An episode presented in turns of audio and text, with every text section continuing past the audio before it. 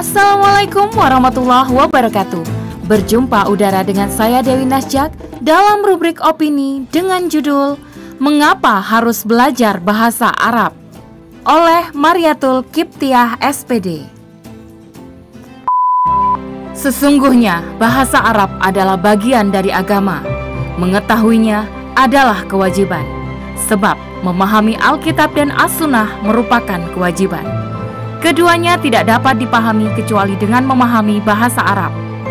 Satu kewajiban yang tidak dapat dilaksanakan secara sempurna kecuali dengan sesuatu, maka sesuatu itu juga menjadi wajib.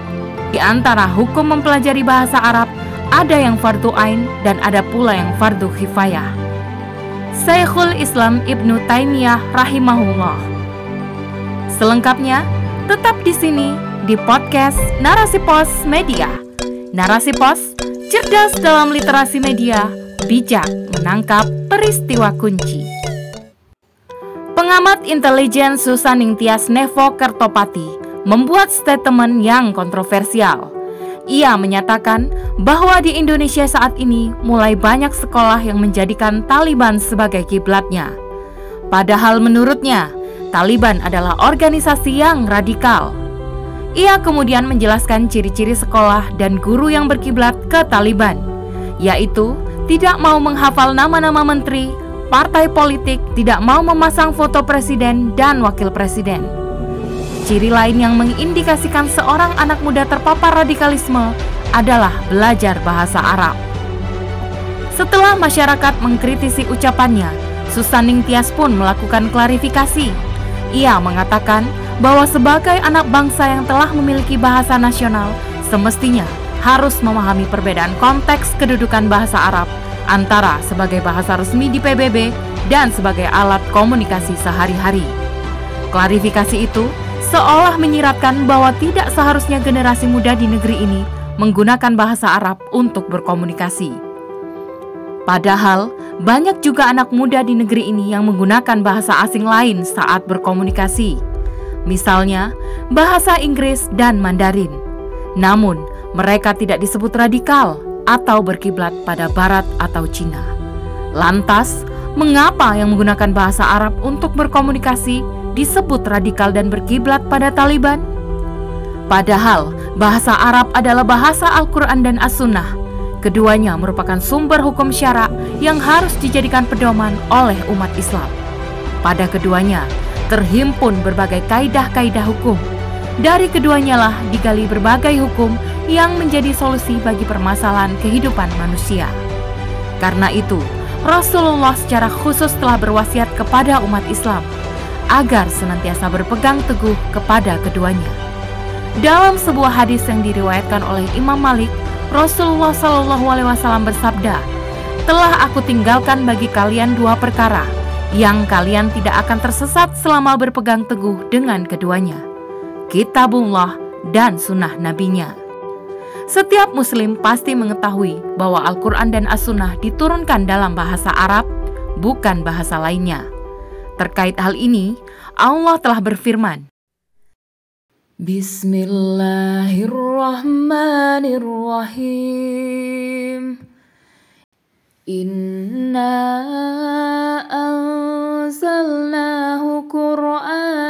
Arabiyyan la'allakum ta'kilun. Sesungguhnya kami telah menurunkan Al-Qur'an dalam bahasa Arab agar kalian memahaminya. Quran Surah Yusuf 12 2 di dalam tafsirnya, Ibnu Kasir rahimahullah menjelaskan bahwa bahasa Arab adalah bahasa yang paling jelas dan paling banyak kosakatanya. Bahasa Arab mampu mengungkapkan berbagai pemikiran sehingga mudah dipahami oleh manusia. Tentu saja, untuk memahami Al-Quran dan As-Sunnah harus memahami bahasa Arab. Karena itu, bahasa Arab merupakan salah satu sakofa Islam yang seharusnya dipelajari oleh setiap muslim. Syekhul Islam Ibnu Taimiyah rahimahullah berkata, Sesungguhnya bahasa Arab adalah bagian dari agama, mengetahuinya adalah kewajiban, sebab memahami Alkitab dan As-Sunnah merupakan kewajiban.